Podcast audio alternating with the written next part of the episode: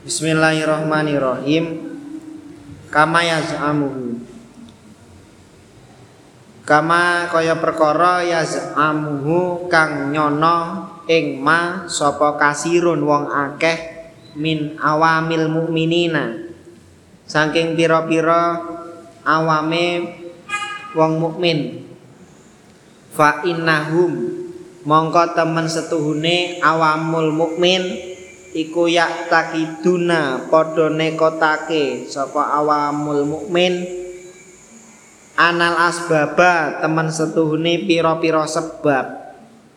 Al adiyata kang bangsa kebiasaan. Iku muathirun.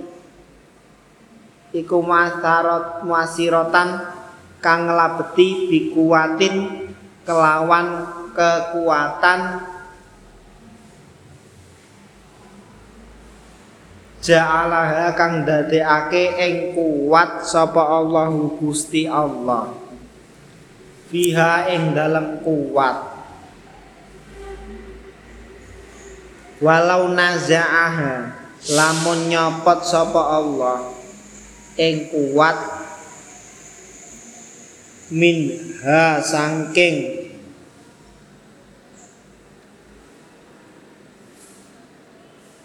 asbab adiyah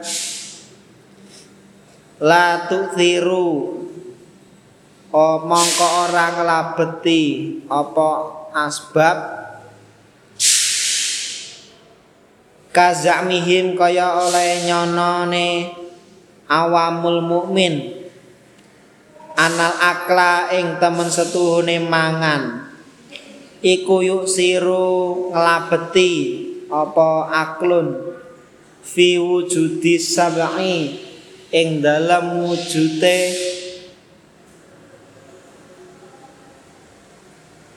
luwe e warak. Ing dalam wujute warak.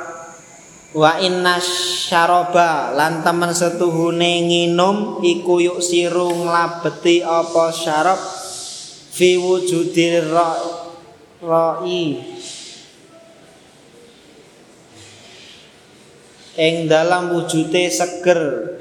Wa inan naro lan temen setuhune geni iku tuk siru nglabeti apa nar. Fi wujudil ihraqi ing dalam wujute ngobong. Fi wujudil ikhraqi ing dalam wujute ngobong. Wa anasikina lan temen setuhune lading iku tuk sira nglabeti apa sikil fi wujudil qati ing dalam wujute nugel. Bikuatin kelawan kekuatan ja'alaha kang dadekake ing kekuatan. Sapa Allahu Gusti Allah fi jami'iha ing dalam sekabehane fi jami'iha ing dalam sekabehane aklun il jami'iha ing dalam sekabehane aklun ila akhirih Fadalika mongko utawi mengkono-mengkono iktikot Iku batilun kang batal. Aidon halih malih. Li anahu krono temen setuhune kelakuan. Iku yasiru dadi sopo maulana Gendoro kita jalawa azza hina izin ing dalam nalikane mengkene mengkene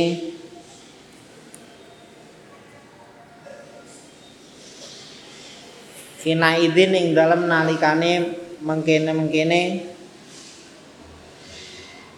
kuatin ja'alah Allah. Iku muftakirun zat kang butuh iku muftakirun zat kang butuh. Fi ijadihi ing dalam mujudake sebab. Eh. Anu jangan sebab Allah saja. Fi jadi yang dalam oleh mujudake ne Allah ba'dul af'ali ing sebagiane pira-pira penggawean. Ila wasitatin maring lantaran. Wal halu halih utawi tingkae iku anahu temen setuhune Allah taala. Iku lahu iku kedue Allah. Al utawi sifat sugih al mutlaku kang mutlak. Angkulima saking saben-saben perkara siwahu kang liyani sapa Allah ing ma. Cepetan wa sahibu hadal iktiqadi utawi iki-iki kang duweni itikot. Kang duweni itikot. Iku laisa ora ana sapa sahib. Sahib iku kafiron wong kafir. Bal fasikun baleh wong kang fasek wayak rubulan parek min hadza saking iki sahib apa ittiqadul mu'tazilati? Keyakinane mu'tazilah rupane anal abda temen setuhune kaula iku yakhluqu ndadekake sapa abet af'ala nafsihi ing pira-pira panggaweane abet.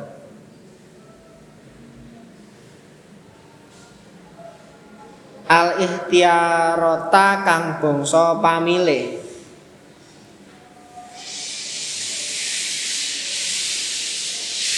Bikuwatin kelawan kekuatan. Ja'alaha kang ndadekake dikuatin kelawan kekuatan ja'alaha kang dadekake ing kekuah sapa Allahu Gusti Allah fihi ing dalam abad. Faha ulai mongko utawi mengkono mu'tazilah iku fasakotun pira-pira wong fasek Mu'tazilah itu keyakinan dari zaman Harun Ar-Rasyid meninggal. Harun Ar-Rasyid itu sing ceritanya sering karo Abu Nawas itu. Harun Ar-Rasyid meninggal, putranya kalau nggak salah Mutasim. Nah itu udah akidahnya Mutazilah. Sekarang masih ada Mutazilah itu di Iran masih masih legal akidah itu. Allah itu punya tangan, ya seperti yang di Quran lah ya Tullah terus Allah itu menitipkan kekuatan kayak ini dikuatin ja'alallahu bihi faulaim sakotun jadi hamba itu bisa melakukan dengan kekuatan yang dititipkan wal hasilu utawi kesimpulan wal hasilu utawi kesimpulane iku anaman temen setuhune wong itakoda kang nekotake sapa man? Itakoda kang nekotake sapa man? Anal asbaba temen setuhune pira-pira sebab al adiyata kang bangsa kebiasaan. Kanari koyok geni wasikine lan lating wal akli lan mangan wasyarobi lan ngombe iku tuk siru ngelabeti opo asbab apa itu lafadznya itu? Fi musabbatiha, ya. Eh? Fi musabbabat oh, ya. fi baknya berapa itu? Fi musabbabatiha. Ing dalam pira-pira sebab pira-pira perkara kang den sebabake. Ada sebab ada musabab. Musabab. Musab. Kalau sebab itu ilatnya kalau musabab itu hasilnya.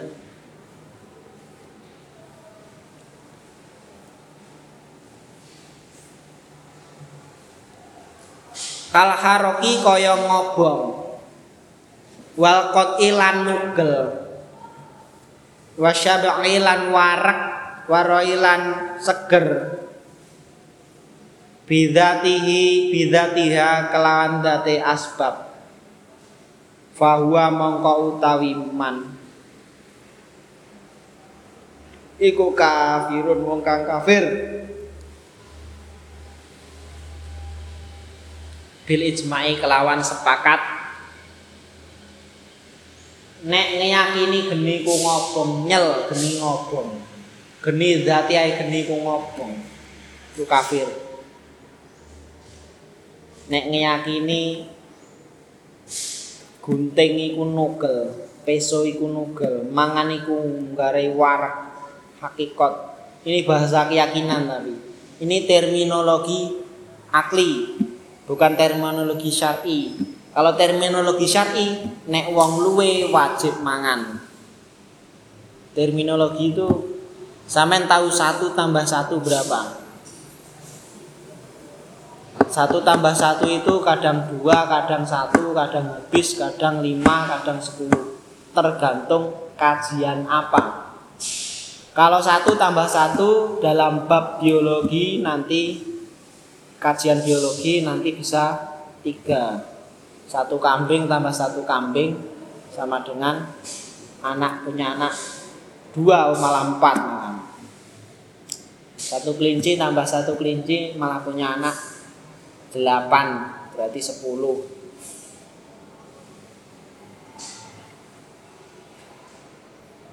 Satu cupang ditambah satu cupang.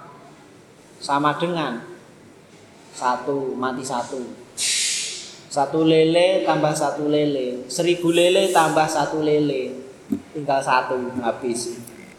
Lele makan semuanya. Nah ini kan tergantung terminologinya ya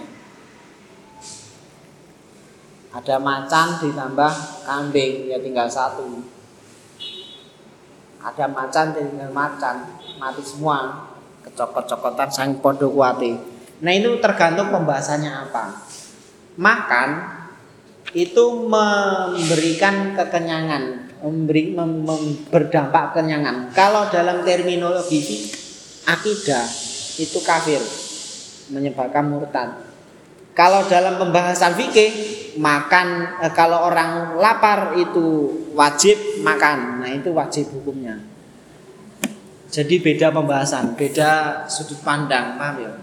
Kayak satu tambah satu kok malah sewu apa? Ternyata iwak nila. Lah nek sewu tambah sewu malah karek siji, ternyata iwak lele kan beda-beda sesuai perspektifnya.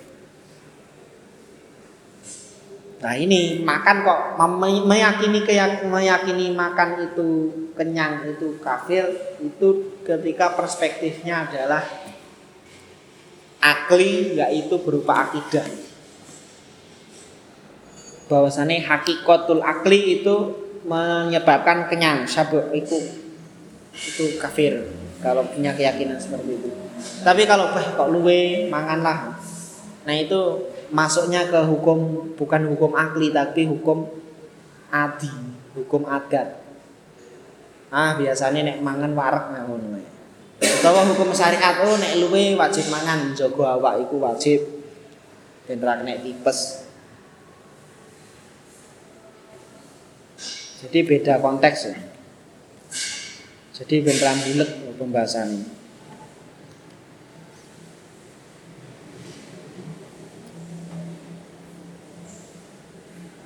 Piye ndi walhasil terus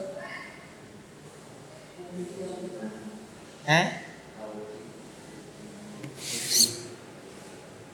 Bidatiha bahwa kafirun bil ijma'i au bi kuatin atau kelan kekuatan ja'alaha kang dadekake ing kuat.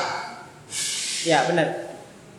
Ja'alaha kang dadekake sapa uh, Allah Ja'alaha kang dadekake sapa Allah ing eh Ja'alaha kang dadekake ing kuat sapa Allah Gusti Allah fiha ing dalam kekuat Fafi kufrihi mongko iku ing dalem kafire man.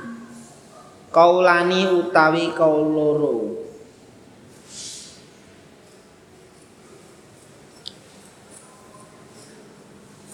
Wal asahu utawi kaul aso. Iku anahu temen setune man. Iku laisa ora ana sapa man iku bi kafirin wong kang kafir. Bal fasikun balik bal fasikin bali wong kang fasik mubtadiin kang gawe bid'ah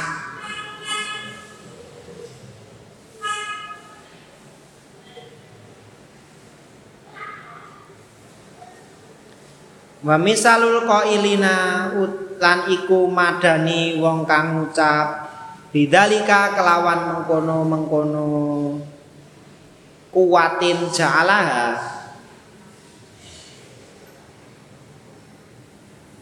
Mu'taz al mu'tazilatu utawi wong mu'tazilah. Al qailuna pira-pira kang ngucap di anal abda kelawan temen setuhune kaula iku yakhluqu ndadekake sapa abet. Af'ala nafsihi ing pira-pira penggawene abet. Al ihtiri al ihtiari al ihtiar ikhtiariyata kang bangsa pamilih dikuatin kelawan kekuatan. Khalaqaha kang dadekake ing sapa Allahu Allah fihi ing dalem abet. Fal asahu mongko utawi kaul asah iku adamu kufrihim ora anane kafire mu'tazilah li ikrarihim krana pengakuane mu'tazilah. Bi ana kudrotal abdi kelawan temen setuhune kudroe abet. Ala dalika ing atase mengkono-mengkono afal. Iku minallahi saking Allah taala wa man utawi sapane wong. Iku takoda nekotake sapa man? Anal mu'thira ing temen setuhune zat kang nglabeti wa ya mu'thir iku Allahu Gusti Allah taala halih maha luhur Allah lakin ja'ala angin tetapi nindadekake sapa Allah bainal asbabi ing dalem antarane pira-pira sebab. Wa musabbat musabbabatiha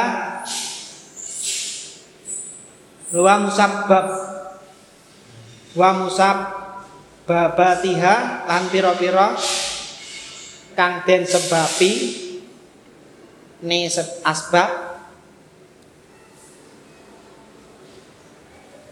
Talazuman ing kepastian. Aklian kang bangsa akli.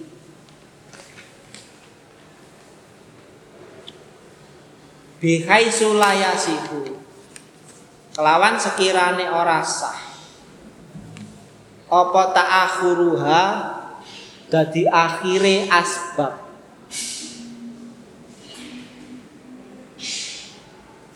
Fama tawujida mongko ing dalem kapan-kapan den temu. Apa asababu sebab? Wujida mongko den temu apa al musababu kang den sebabi? Bahwa mongko taiman iku jahilun bodoh. Waman utawi sapane wong iku iktakoda nekotake sapa man? Anal muksira tem ing temen setuhune kang labeti wa ya muksir iku Allahu Allah.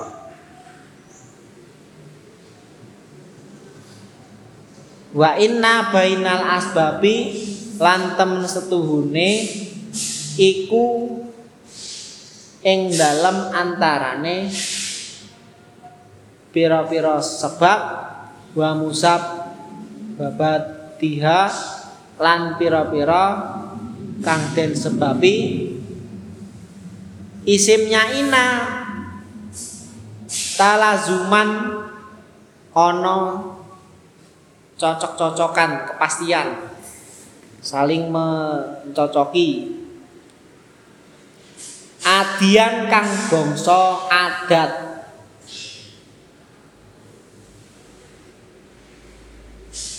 adian kang bangsa adat. Bihai suyasihu kelawan sekirane sah apa ta'akhuruha dadi akhire sebab bahwa mongko utawi man iku al mukminu wong kang iman anaji kang selamat insya lamun karep sapa Allah taala. Fal aksamu mongko utawi pembagian. Iku arbaatun ana papat. Wa khaisu wajabat lan sekirane wajib lahu kedue Allah taala apa al wahdaniyatu sifat wahdaniyah? Istahala mongko dadi muhal. Alaihi ing Allah. Apa dituha sewalike? Wahdaniyah. Wa huwa utawi dzit iku ata'addudu wewilangan. Sawaun iku padha uga kana. Ana apa ta'addud ma'al itisoli sartane itisol awin faisoli utawa infisol jadi sesekali kita harus pernah berpikir bahwa saya makan itu pas makan itu oh iki war ora war itu potensinya sama. Paham maksudnya? Jadi wong saya makan. Nanti makan itu talazumnya ada dua ada kenyang ada tidak kenyang. Nah itu potensinya sama. Secara potensi akidah sama. Kalau diberi kenyang sama Allah ya kenyang. Kalau tidak ya diberi ya tidak. Nah itu sesekali dilatih dari dini uh, untuk keyakinan seperti itu. Karena kalau tidak nanti kebablasan. Obat itu, obat yang sering. Obat itu menyembuhkan dan tidak menyembuhkan itu potensinya sama. Sama-sama tidak ada hubungannya cuma talazum saja secara adat secara adatnya wong dijiwit jiwit iku loro Ya toh. Tapi kadang dijiwit ora lara. Nyapa sapa sing dijiwit caga? Caga nek dijiwit kan gak lara. Tawa dijiwit wonge wis mati. Nah, itu secara potensinya sama, secara aklinya sama. Jadi ngombe, ngombe kelempokan. Ngombe malah seger. Peso. Peso kuwi nek niat iso nugel. Tugel nek ora iso ya ora tugel. Sering harus sesekali dilatih, seminggu sekali bertafakur. Jadi dilatih. Wong nek tauhide kuat iku penyesalan iku gak patek. Nek sewaktu-waktu sampean duwe sesuatu sing pantas untuk disesali itu nanti akan istighfar nanti secara otomatis kalau sering dilatih. Karena hakikatnya itu telah diciptakan Allah. Wis piye maneh iki wis wis manut karo garise pangeran. Itu jika berurusan dengan masa lalu jika berurusan dengan masa depan nah itu tidak boleh. Nisbatnya masa lalu itu kan sudah pasti sudah diciptakan sama Allah. Takdir bahasa takdir itu masa lalu. Kalau bahasa takdir masa depan itu tidak bisa. Kenapa? Karena potensinya banyak. Yang mentaksis antara potensi kita misalkan e, potensi kita mati besok mati besoknya atau kapan atau jadi jadi ini jadi RT RW RK jadi jadi lurah jadi camat sebagainya. Potensinya itu terlalu banyak. Masa depan itu potensinya terlalu banyak. Untuk mentaksis ini bahwa sudah ditakdir ini sehingga nanti pasrah itu tidak bisa. Nggak sah itu hukumnya. Jadi berusaha tetap nanti ternyata dapatnya itu ya udah itu berarti nisbatnya besok pas masa depan melihat masa lalunya itu takdir nisbat sekarang melihat masa depan itu tidak boleh dikatakan e, takdir ketika konteksnya adalah usaha. Karena kita dituntut syariat mewajibkan kita untuk iktisab. Harus berusaha oleh dulu apa bukti ini kan kerja ibu ya maksudnya kan usaha ya kan ya sholat Padahal nek dipikir nih sholat Allah itu sah-sah saja memberikan wong sing gak sholat itu surga, wong sing sholat mempeng cedak-cedik dalih neraka. Tapi tetap kita tetap wajib sholat. Waklam jam berapa? Kurang sembilan. Waklam ngawurono sopo siro ana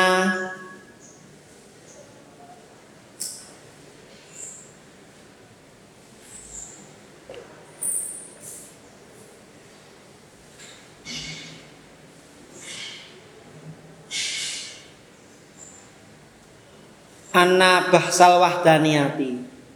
Teman setuhune pembahasan wahdaniyah. Iku asrofu mabahisa. Eh, asrafu mabakiti hadzal fani luweh mulya-mulyane pira-pira pembahasan iki-iki fan walidalika lan krana mengkono-kono asraf kasura akeh apa atan be pepeling. Alaihi ing atase hadza fil Qur'ani dalam Qur'anil Azim wa hadhihi sifatu utawi iki-iki pira-pira sifat. Asitu kang enam iku fal ula mongko utawi kang kawitan. Minha saking situn. Wahya utawi ula iku al wujudu wujud. Utawi ula iku tu sama den arani apa ula? Nafsiyatan ing aran nafsiyah. Li anaha krana temen setuhune ula iku lata dulu ora nuduhake apa ula ala makna ala maknan ing ngatasé makna zaidin kang tambah ala nafsi dzati ing ngatasé kahanane zat. Wal khamsatu utawi kang lima ba'daha kang sakwise ula iku tusama den arani apa khamsah salbiatan ing aran salbia. Li anaha krana temen setuhune sit khamsah iku dalat nuduhake apa khamsah ala salbima ing atase ndedel perkara layaliku kang ora pantes apa? Ma bihi kelawan Allah taala. Wasifatu utawi sifat asal biati eh wasal biatu kang bangsa ndedel. Iku latan hasiru ora bisa keringkes ala sahihi ing atase kang sahih li anan nako iso. Krana temen setune pira-pira kang kurang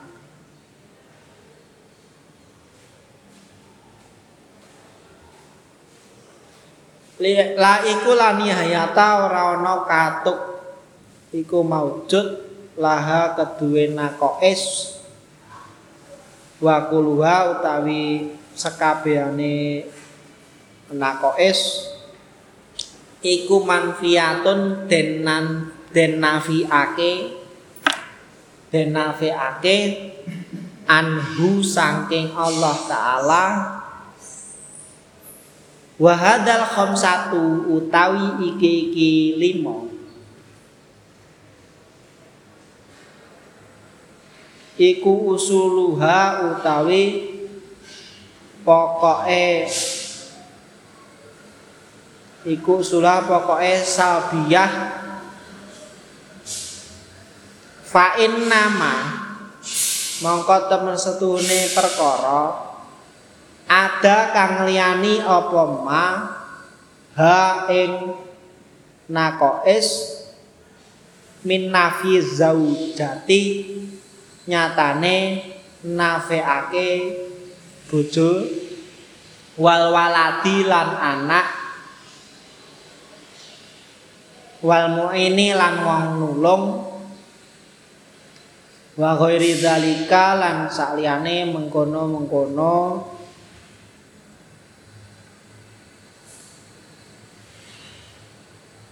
nafyu zaujah iku rajiun bali ilaiha maring khamsah